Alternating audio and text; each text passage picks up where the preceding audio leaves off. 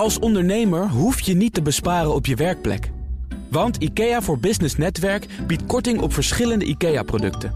Word gratis lid en laat je werkplek voor je werken. IKEA, een wereld aan ideeën.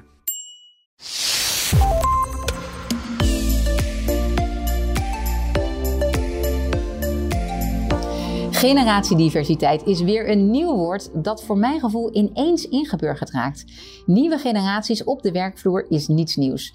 De nieuwste generatie die er nu aankomt op de arbeidsmarkt komt met een andere blik dan hun voorgangers. Waar vroeger een nieuwe generatie met een ander wereldbeeld de arbeidsmarkt inkwam, komt de huidige nieuwe generatie ook met een heel andere vaardigheid en een andere manier van communiceren op de markt. Wat kunnen we van elkaar leren? Hoe versterken we organisaties in de toekomst door alle krachten te bundelen? Vandaag is Hashjar Yacoubi te gast in de Werkprofessor podcast die we deze keer live opnemen tijdens een HR meetup in ons eigen V-café.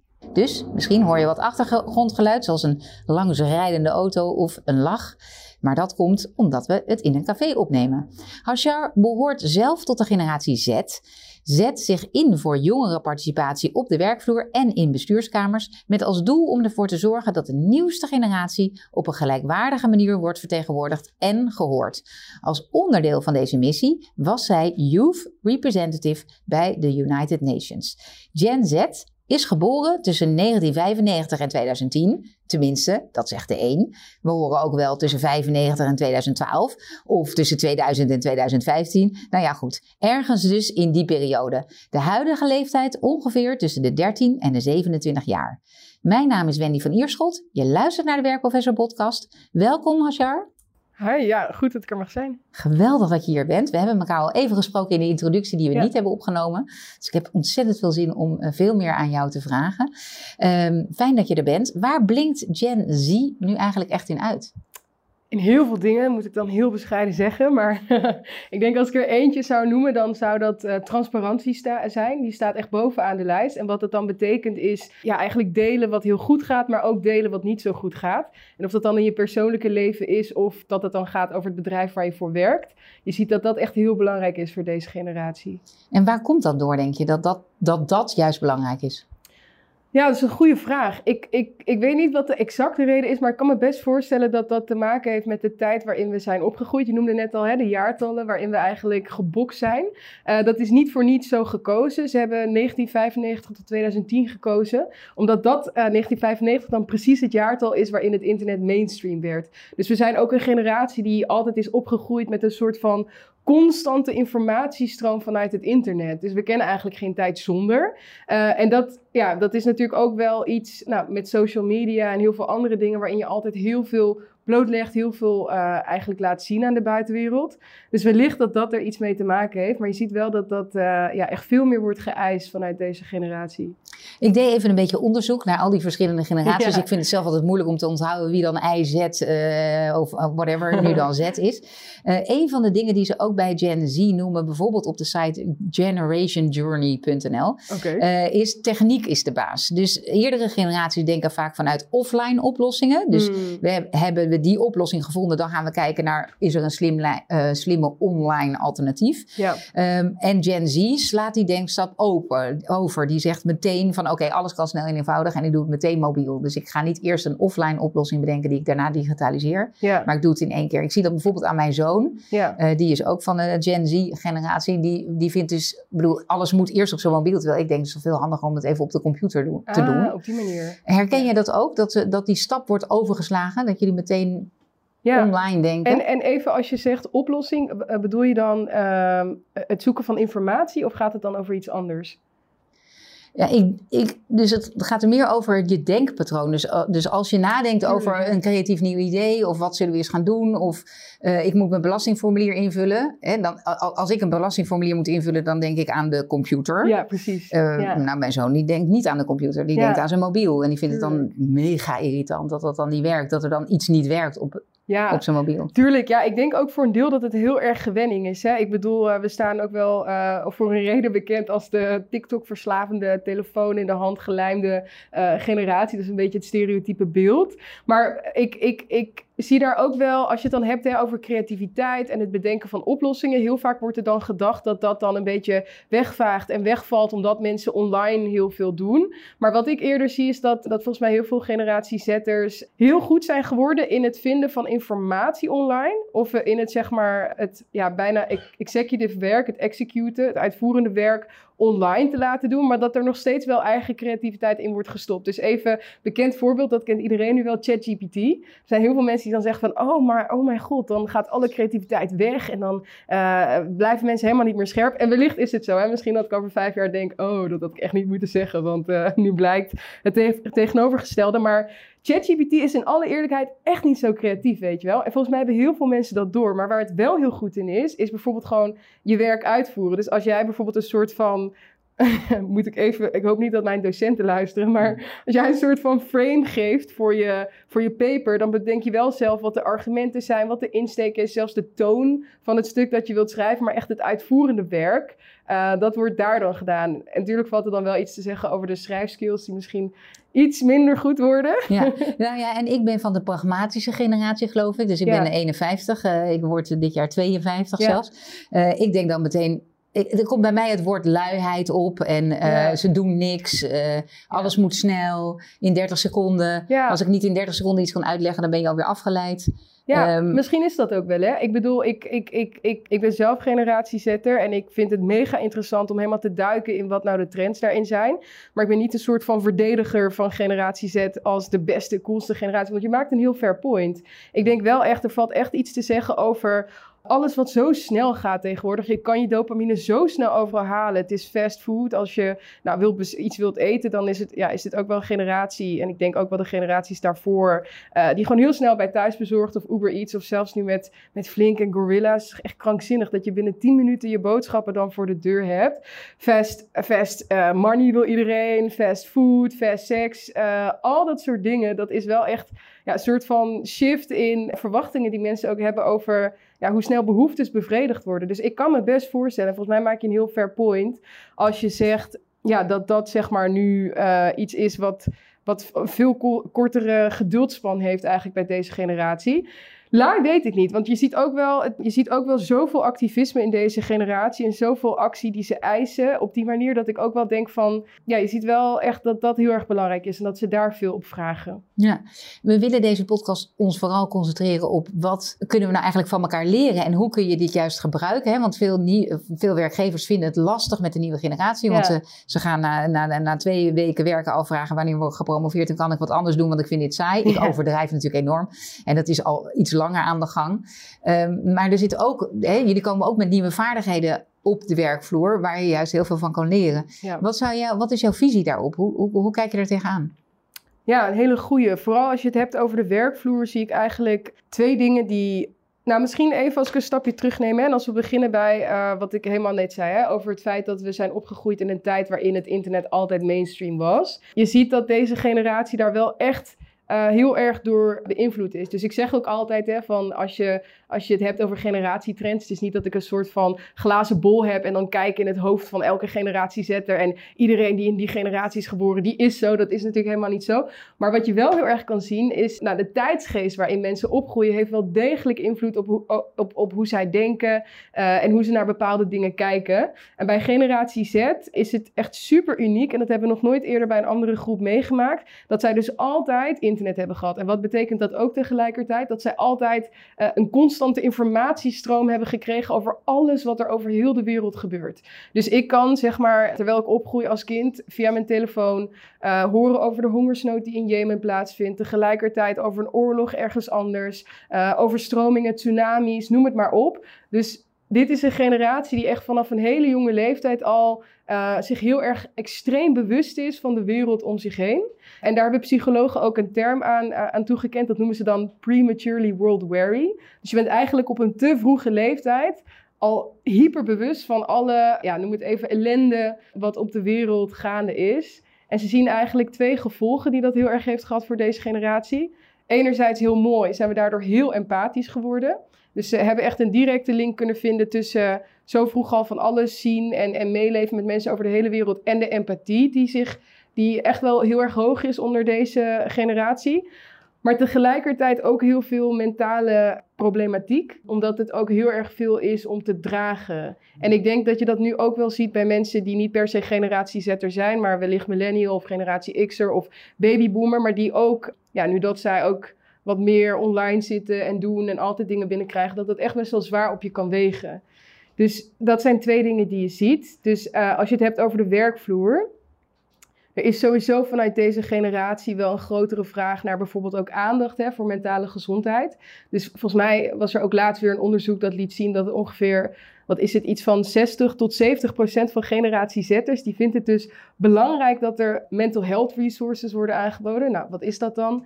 Dat houdt bijvoorbeeld in dat je met iemand op het werk kan praten over hoe het met je gaat. Of dat je je bijvoorbeeld ook een keer kan ziek melden. Niet omdat je de griep hebt of omdat je verkouden bent, maar omdat je gewoon even echt niet lekker in je vel zit. Maar dat is dus voor 60 tot 70 procent gewoon bepalend in het, in het kiezen of ze bij een werkgever willen blijven of niet. Dus dat, dat is er eentje. En uh, ja, een hele andere, en die is misschien wel bekend bij veel mensen. Dat, uh, dat zie je aan de klimaatstakingen of de Black Lives Matter protesten. Het is een super activistische generatie. En je kan ook wel zeggen, even een kleine disclaimer, het is natuurlijk ook wel de levensfase, want dit is een generatie, nou je zei het al, hè, die zitten nu ongeveer tussen de 13 en 27 jaar. Dus als je wat jonger bent, dan zit je ook vaak in de levensfase dat je wat activistischer bent. Maar je ziet wel dat ze heel veel actie vragen aan, aan de organisaties uh, waar ze voor werken. Dus uh, nou, als duurzaamheid een waarde is die je belangrijk vindt als generatie zetter, dan zie je vaak ook dat dat betekent dat uh, een generatie zetter dan bijvoorbeeld niet voor een bedrijf gaat werken dat nou, heel erg vervuilend is of meer schade ja, berokkent op de wereld dan dat ze goed doen eigenlijk. Ja, dat, dat, dat vind ik ook wel mooi, want dat stimuleert dan hopelijk ook de verandering die nodig is om de wereld te verbeteren. Ja. Uh, die aandacht voor de mentale valt me ook wel op dat ik denk dat was nog een taboe. Hè? Een aantal jaar ja. geleden was het eigenlijk een taboe om daarover te beginnen. En nu is het iets waar we gewoon over spreken van hé, hey, dat, dat vinden we belangrijk. Ja. Um, dus in die zin zijn er ook hele positieve gevolgen, denk Totaal. ik, van die sociale media, dat we dat juist veel meer zien. En soms denk ik ook wel eens, het is een soort job erbij. He, je, je bent aan het werk en vervolgens heb je ook nog een hele baan thuis om al je social media bij te houden en mm. overal je vrienden van op de hoogte te houden enzovoort. Ja. Heb jij ook het idee dat de problemen die ontstaan op de werkvloer omdat we elkaar niet zo goed begrijpen, dus hey, ja. de, de, interesse in elkaar over de generaties heen, zou, hoe zouden we dat kunnen verbeteren?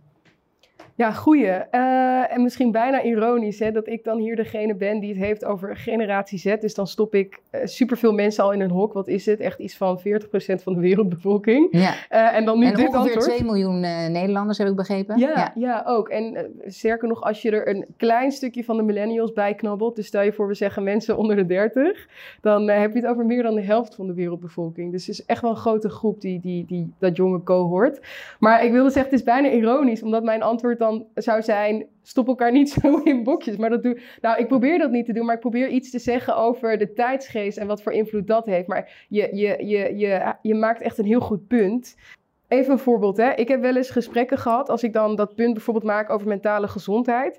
Heb ik ook wel eens wat, ja, wat oudere. Uh, bijvoorbeeld dan. Ik had één keer iemand uh, uit de babyboomer generatie. Die naar mij toe kwam en die zei: Ja, maar jullie jongeren, jullie, jullie kunnen ook echt helemaal niks meer hebben. En in mijn tijd had ik het ook heel zwaar. En er was helemaal uh, geen gesprek over mentale gezondheid. En daar kon je het niet over hebben. En je moest maar gewoon doorgaan. En dat deden we. En dat was zwaar. En dat konden wij wel. En ik dacht, toen ik dat zeg maar hoorde, toen dacht ik van... Oké, volgens mij is deze meneer het niet per se oneens met mijn punt. Maar volgens mij uh, is er een soort van gevoel van... Uh, ja, onrechtvaardigheid, wat voor hem ontbreekt. Dus het, eh, ja, ik, ik, ik dacht toen, ik had het daar later met een vriend over en die kwam dan toen op met een term, geweldig, generational envy noemde hij het. Dus eigenlijk dat generaties elkaar een beetje benijden, omdat je toch wel door hetzelfde uh, heen gaat. Maar deze manier ziet dan bijvoorbeeld dat diezelfde mentale problematiek die hij misschien vroeger heeft gehad, waar niemand naar omkeek en waar helemaal geen ruimte en aandacht voor was, dat dat nu heel openlijk besproken kon worden op een hele mooie manier. Dus wat ik daar eerder in proefde in zijn reactie, is dat hij graag volgens mij hetzelfde had willen zien uh, in zijn tijd, toen hij opgroeide. Maar ik denk, ja, als je het hebt over elkaar vinden, dat is zo belangrijk. In het werk dat ik doe, ik, ik ben ook heel veel, ik zie mezelf ook als klimaatactivist en ook iemand die het echt belangrijk vindt dat we nou, echt veel snellere stappen gaan maken als we kijken naar de problemen waar we vandaag de dag mee dealen. Hè? Mensenrechten schendingen, eh, echt een tikkende tijdbom als je het hebt over biodiversiteitsverlies, eh, de klimaatcrisis, heel veel andere crisissen die we zien. En ik denk daarin, we kunnen die transitie gewoon niet maken als we de handen niet in één gaan slaan. En dat is zo belangrijk. En ik denk ook vaak van, ja, wat zijn generatiehokjes? Als ik het dan even houd hè, op die klimaatcrisis. Wat maakt het nou uit of ik generatie Z'er ben? Jij bent volgens mij generatie X'er, Wendy. Ja. Maar voor iemand die over 300 jaar op deze aardbol rondloopt... Ja, wij, wij zijn allebei even, eh, ja, eh, hoe zeg je dat, privileged, be- bevoorrecht om op een tijd rond te lopen dat we nog eh, actie kunnen, eh, kunnen uitvoeren en nog dingen kunnen doen die zo'n onomkeerbare klimaatcrisis kunnen tegenhouden. Dus we zijn ook op een soort van manier lotgenoten met een beetje de staat van de wereld op dit moment. En ik denk dat we ja, elkaar daar veel meer in moeten vinden en op dat vlak veel meer verbinding eh, met Ja. elkaar moeten zoeken. Ik heb zelfs het idee dat oudere generaties ook een beetje zeggen van, nou ja, dat moeten jullie nou maar oplossen. Hè? Eh, jullie zijn de aanstormende generatie, dus Ja. jullie moeten dan maar even dat pro- klimaatprobleem oplossen. Terwijl ik dus vind dat wij juist verantwoordelijkheid moeten nemen, eh, want wij zitten op die plek om het ook te kunnen beïnvloeden. Klopt, ja. Ehm. ik, ik, ik heb dat ook wel toen ik jongerenvertegenwoordiger was. Heb ik heel vaak dan... Ik heb letterlijk echt CEO's van, van oliebedrijven dan in zo'n plenaire zaal horen zeggen...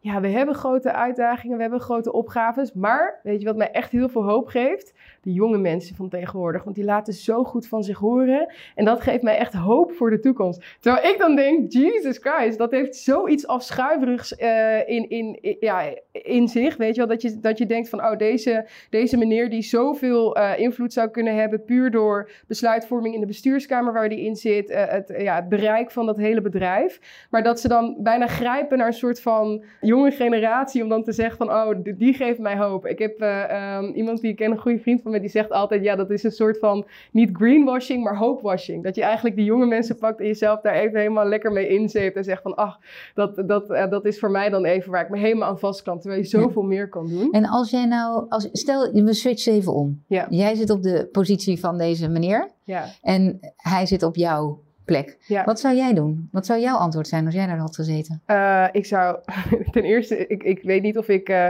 dan zou het geen oliebedrijf zijn. En ik snap, hè, ik- kijk, ik wil ook niet, ik wil ook niet, ik wil ook niet afdoen aan, aan hoe complex dit is. Want ik snap dat het, dat het heel lastig is, hè, zo'n transitie. Maar ik denk wat, wat heel veel, wat een hele belangrijke vraag is, die volgens mij te weinig gesteld wordt, is waar mensen dienstbaar aan zijn. En ik denk op het moment dat je CEO bent van een, een groot olieconcern of een ander bedrijf of eh, een, een, een, nou, eh, pak een, een Tata Steel, weet je wel, in IJmuiden, die fabrieken hebben die ontzettend, ontzettend schadelijk zijn voor eh, de gezondheid van de bevolking. Ook omdat dat gewoon, nou, pak die kooksfabrieken, die zijn dan extra, extra gevaarlijk voor de gezondheid van mensen, maar die worden niet dicht gedaan, omdat er ook, omdat als, mensen, als je dat dan vraagt aan die mensen, dan zeggen ze, ja, maar er moet wel een soort van verdienmodel tegenover staan om dat, om te kunnen gooien. Maar wat ik daar altijd tussen de regels in lees, is: oh, ze zijn dienstbaar aan iets heel anders. Wat heeft prioriteit nummer één? Dat is blijkbaar het financieel rendement, het financieel bestaan. En niet de gezondheid van mensen. Of het feit dat eh, er een x procent hogere kans op kanker in de regio is voor mensen die daar wonen. En ik denk, wat ik heel erg anders zou doen als ik eh, de CEO zou zijn van zo'n groot bedrijf, is dat ik een hele andere eh, prioriteit op nummer één zou hebben staan. Ik zou veel dienstbaarder zijn aan de vraag: hoe kunnen we ervoor zorgen dat we binnen anderhalf graad opwarming van de aarde blijven? En dat is dan zeg maar waar ik dienstbaar, dienstbaar aan ben. En op die manier ga je dan beslissingen nemen. En dat zullen dan hele andere beslissingen zijn dan wanneer je dienstbaar bent aan de vraag: hoe kan ik, ja, hoe kan ik financieel rendement vergroten? Hoe kan ik financieel kapitaal Ik zou heel graag hier ook nog een keer een podcast met je Ja. opnemen. Want het probleem zit daar natuurlijk ook in dat als je met die visie aan dat bedrijf staat, dat je onmiddellijk wordt ontslagen door de aandeelhoudersvergadering. Omdat ze vinden Ja. dat je niet hun, eh, hun belangen dat- voldoende eh, ja. vertegenwoordigt. En dat is een goed punt. En dat, is, en, en, dat, en dat is het lastige, terwijl ik zou dat ook heel graag willen. Dus we, we pleiten voor dezelfde zaak. Maar laten we daar een andere keer, misschien in Oké, een andere context, een podcast over, over opnemen. Even terug naar die generaties. Ja. Eh, dus je zegt eh, belangrijk eigenlijk van hey, we zijn eh, activistischer en we hebben, hè, er is misschien een soort envy ook over generaties heen van ja, jullie mogen hier, jullie krijgen daar wel aandacht Ja. voor. Ehm, hoe zouden we bruggen kunnen slaan? Hoe zouden we Stel dat je nu, dus er zijn meerdere ondernemers die denken: wat moet ik aan met deze generatie? Ja. Echt. Ze zijn om de haverklap, hebben ze mentaal een probleem. Ze, nou, die korte aandachtspannen. Ja, ze zijn super handig met social media en met andere dingen. Ja. Maar wat moet er veranderen voor jouw gevoel om, om wel super effectief gebruik te maken van elkaar eigenlijk? Ja, goede vraag. Ik, ehm, ik weet heel eerlijk gezegd niet of, uh, of mensen echt zo erg met de handen in het haar zitten over generatie Z. Misschien, misschien wel, misschien niet. Of jij probeert mij gewoon even goed uh, te, te prikkelen hier, Wendy. Maar ik denk, um, kijk, als je het hebt over. Ik zeg ook de hele tijd activistischer. En ik weet niet of het activistischer is of op een andere manier activistisch. Als we het hebben over bruggen slaan, hè, dan is het ook belangrijk om te zien dat we zoveel van elkaar leren als generaties. Maar ook heel erg op de schouders staan van de generaties die voor ons komen. Dus de babyboomers, die waren vroeger ook de hippies. Die hebben ook echt een super grote, mooie slag gesla geslagen om uh, nou, meer inclusiviteit, meer, meer vrede en veiligheid. In ieder geval uh, die boodschap naar buiten te brengen. En ook als je kijkt naar millennials, dat is dan de generatie die voor ons komt. Het is niet dat die niet activistisch zijn of minder activistisch of meer activistisch, maar die waren dat op een hele andere manier. Die waren heel erg bezig met bewustwording. Dus je zag daar bijvoorbeeld bij dat ze uh, zich heel erg inzetten voor uh, bewustwording over, nou, met Kony 2012, een hele bekende documentaire over kindsoldaten, de ELS Ice Bucket Challenge, over ALS, uh, maar ook op heel veel andere vlakken probeerden ze die bewustwording te vergroten. Nou, dan komt generatie Z aan boord. Die zien dat dat al is gedaan. Dus dat is echt super mooi. En die staan eigenlijk weer op de schouders van de millennials. Die zeggen: Oké, die bewustwording die is er nu. Want iedereen weet wel wat de grote problemen zijn. Maar wat gaan we daar nu mee doen? En daardoor zie je dat zij veel actiegerichter zijn. Dus zij zijn degene die zeggen: Nou, we willen X, Y, Z procent reductie in CO2-emissies. En dat kan op deze en deze en die manier. We willen dat er veel meer diversiteit is in het bestuur van een bedrijf. En dat kan op deze en die manier. Dus zij zijn eigenlijk, ja, borduren zij gewoon voort op het werk dat, dat al is gedaan door de millennials, door de generatie X'ers, de babyboomers. En dat is eigenlijk een hele mooie brug. Dat ja. is, dat is inherent... Ja, precies. Dus ik hoor ja. je eigenlijk zeggen, het zou mooi zijn als we met elkaar om tafel zouden gaan zitten en ook eens terug te kijken van, hé, hey, waar ging jij nou voor op de barricade? ja. Waar gingen we allemaal voor op de barricade? En misschien ook gebruik te maken van uh, de energie en ook de impact die de jonge generatie juist kan maken, omdat ze veel meer geconnect zijn, meer gebruik maken van technologie. Ja. Uh, en omdat ze uh, ja, uh, met zelfexpressie meer bezig zijn en juist hun kwaliteiten inzetten ja. voor het bereiken van be betere doelen. Ja, die we sowieso nodig hebben om nieuw talent aan te ja, trekken. Exact. En wat ik ook op het begin zei, want wat, wat, stel je voor, er is een werkgever die, die nu luistert en die dan denkt van ja, maar wat betekent dat dan concreet voor mij? Uh, ik noemde op het begin al die transparantie. Uh, ik denk dat dat zo belangrijk is in zo'n proces. Dus ik, ik heb al een paar keer genoemd hè, van een generatie die echt actie wil zien, die wil zien dat bedrijven echt aan de slag gaan met die waarden waar ze ook voor staan. Nou, wees daar ook transparant over. Je hebt daar echt hele mooie voorbeelden van. Ik uh, je hebt bijvoorbeeld nou, supermarkten. Er zitten producten in de schappen. Hoe mooi is het nou, zeg maar, als je kan laten zien wat uh, de milieueffecten en de sociale effecten zijn van die producten? Daar, is dan een woord voor, dat heet true pricing. En dat wordt bijvoorbeeld al gedaan. Nou, dat is een vorm van transparantie, waarbij je bijvoorbeeld ook als consument meer inzicht kan krijgen in wat nou de bredere impact is van je producten. Maar ook gewoon eerlijk zijn over wat je tekortkomingen zijn. Nou, we zijn ook een generatie, hè? cancel culture, dat kent iedereen waarschijnlijk wel als ze dat horen. Maar dat is ook iets waar mensen heel vaak bij aan generatie Z moeten denken. Dan denken ze, oh ja, dat is die, die uh, onrealistische generatie die van die grote eisen doet. En dan als je daar niet aan kan voldoen, dan word je meteen gecanceld. Nou, dat is, dat is echt niet zo. Dat is een heel stereotyperend beeld. Maar volgens mij is het best een realistische generatie die ook snapt dat je niet in drie dagen carbon neutral kan zijn of iets anders. Maar wat wel belangrijk is, is laten zien waar je staat in dat proces. En ook hoe je stappen gaat maken om vooruit te komen. Ja, en ik hoor je ook zeggen een eerlijk verhaal. Een eerlijk He? verhaal, ja. Gewoon vertel transparant, ja, wat is als, er aan de hand, waar het, sta je? Ja, of als je bijvoorbeeld geen leefbaar loon betaalt aan mensen in de fabrieken. Wees daar transparant over. Ik snap dat dat niet het makkelijkste is. En het is ook super makkelijk voor mij hè, om dit allemaal te, te zeggen. Ik bedoel, Jesus, ik zit hier lekker in een stoel en ik sta niet aan het roer van een groot bedrijf. Maar het is wel echt nodig, want anders ga je, ga je dat talent ook niet binnenhalen. Er is zelfs nu een term die ze hebben geïntroduceerd. En dat heet dan conscious quitting. Bewust stoppen. En dat, dat, dat refereert dus aan alle generatie zetters die stoppen uh, met het werken voor werkgevers die ze gewoon niet ambitieus genoeg vinden. Of niet transparant genoeg. Dus dat is echt een eerste stap. Wees transparant over waar je staat. Mensen weten het vaak toch al. Uh, zien het vaak toch al, toch wel een soort van onderbuikgevoel. Maar wees dan ook eerlijk over wat de vervolgstappen zijn die je gaat maken om echt te komen op nou, het punt waar je naartoe wilt gaan. En of dat dan een leefbaar loon is of klimaatneutraal beleid dat je voert als bedrijf. daar moet je volgens mij heel erg open in zijn. Ja, nou, ik vind het een hele inspirerende boodschap. We zitten bijna aan het einde van de podcast. We hebben nog eh, een kleine twee minuten. Als jij iets mocht veranderen in de bestuurskamers. Ja, Je, hebt, eh, je hebt ook een netwerk volgens mij opgezet. Misschien kan je er nog heel even kort iets over zeggen. Ja. Waarin je, vertel er even iets over. over dat ja netwerk. klopt. Oh, wat, wat mooi. Meestal krijg je niet de kans om gewoon zelf-promo te doen, maar... eh, Dat mag gewoon, ja. Nee, grapje. Thanks, Cindy. Nee, eh, nee het, het, het linkt ook wel heel goed aan wat ik, wat ik eerder zei. Ik heb een netwerk inderdaad geco-found. Het heet 2100.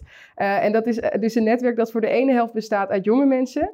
En voor de andere helft bestaat het uit al gevestigde bestuurders. Dus mensen die bijvoorbeeld al eh, in een raad van eh, zijn bij een groot bedrijf. Of in een raad van bestuur zitten bij, laten we zeggen, de top 100 eh, bedrijven hier in Nederland. En wij werken dus heel erg tussen generaties samen om ervoor te zorgen dat we veel meer sturen op brede welvaart in de bestuurskamer. Dus veel meer ervoor zorgen dat we duurzamer beleid eh, hebben en dat we ervoor zorgen dat mensenrechten eh, gewaarborgd en beschermd worden in waardeketens van bedrijven. Dus eigenlijk een veel meer langetermijn focus daarin brengen. Precies, dus je zou heel graag willen dat je, je, je zei het zo mooi van aan wie ben je eigenlijk dienstbaar? Dat Ja. we dat gaan verschuiven van de aandeelhouder en alleen het financiële deel naar een veel breder palet. Ja, En ook dat er een lange termijn visie opkomt van hé, wat ben ik eigenlijk aan het achterlaten en wat Ja. doen wij om de aarde te verbeteren met elkaar? exact. En eh, even, ik vond het wel mooi wat je eerder zei, hè, toen ik eh, even denkbeeldig op die stoel van de CEO mocht zitten. Je maakt echt een heel goed punt, want jij zei meteen, ja, maar dan word je door de aandeelhouders wel weggestuurd. En je zei ook dat dat een gesprek was voor de volgende keer, dus ik zal het eh,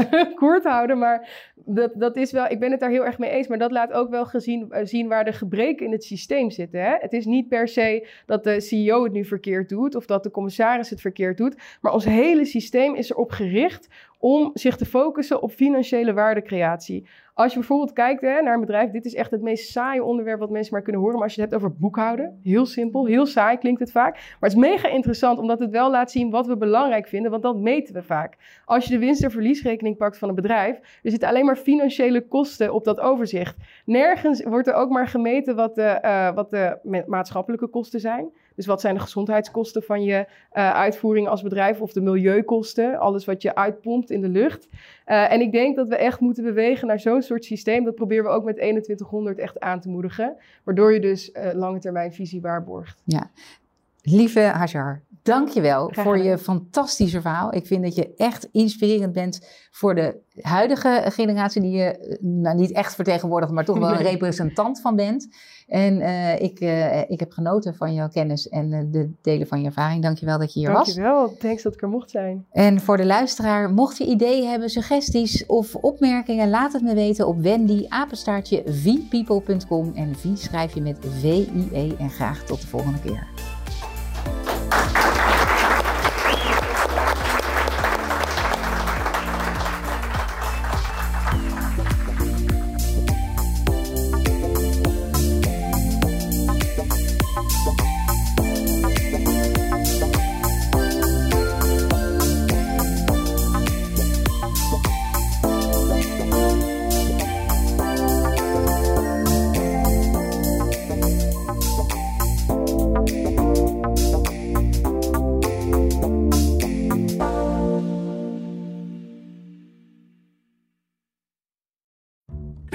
Van je eigen zaak is best wel wat werk.